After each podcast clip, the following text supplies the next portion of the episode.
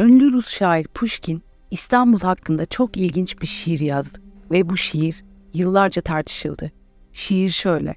İstanbul'u övüyor şimdi gavurlar ama yarın demir ökçeleriyle uyuyan bir yılan gibi ezecekler onu. Ve çekip gidecekler bırakıp öylece. İstanbul bırakmasın hala uykuyu. İstanbul peygamberin yolundan ayrıldı. Onu baştan çıkardı kurnaz batı. Dalarak utanç verici zevklerin koynuna, o ihanet etti duaya ve kılıca. Küçümsüyor artık savaş alanında akan teri. Şarap saati oldu dua saatleri. Pushkin bu şiiri Yeniçeri Eminoğlu adlı bir karakterin ağzından yazmış. Oryantalist vurgulardan uzak ve neredeyse bir Osmanlı gibi. Pushkin Türklerle Rusları birbirine çok benzetiyormuş. Şaire göre iki toplumda ne doğulu ne batılıydı. Bu arafta kalmışlık iki topluma da kendini özgü kılıyordu. Yine bu toplumlar yıllardır devam eden kısır tartışmalarla özgüvenini yitirmişti.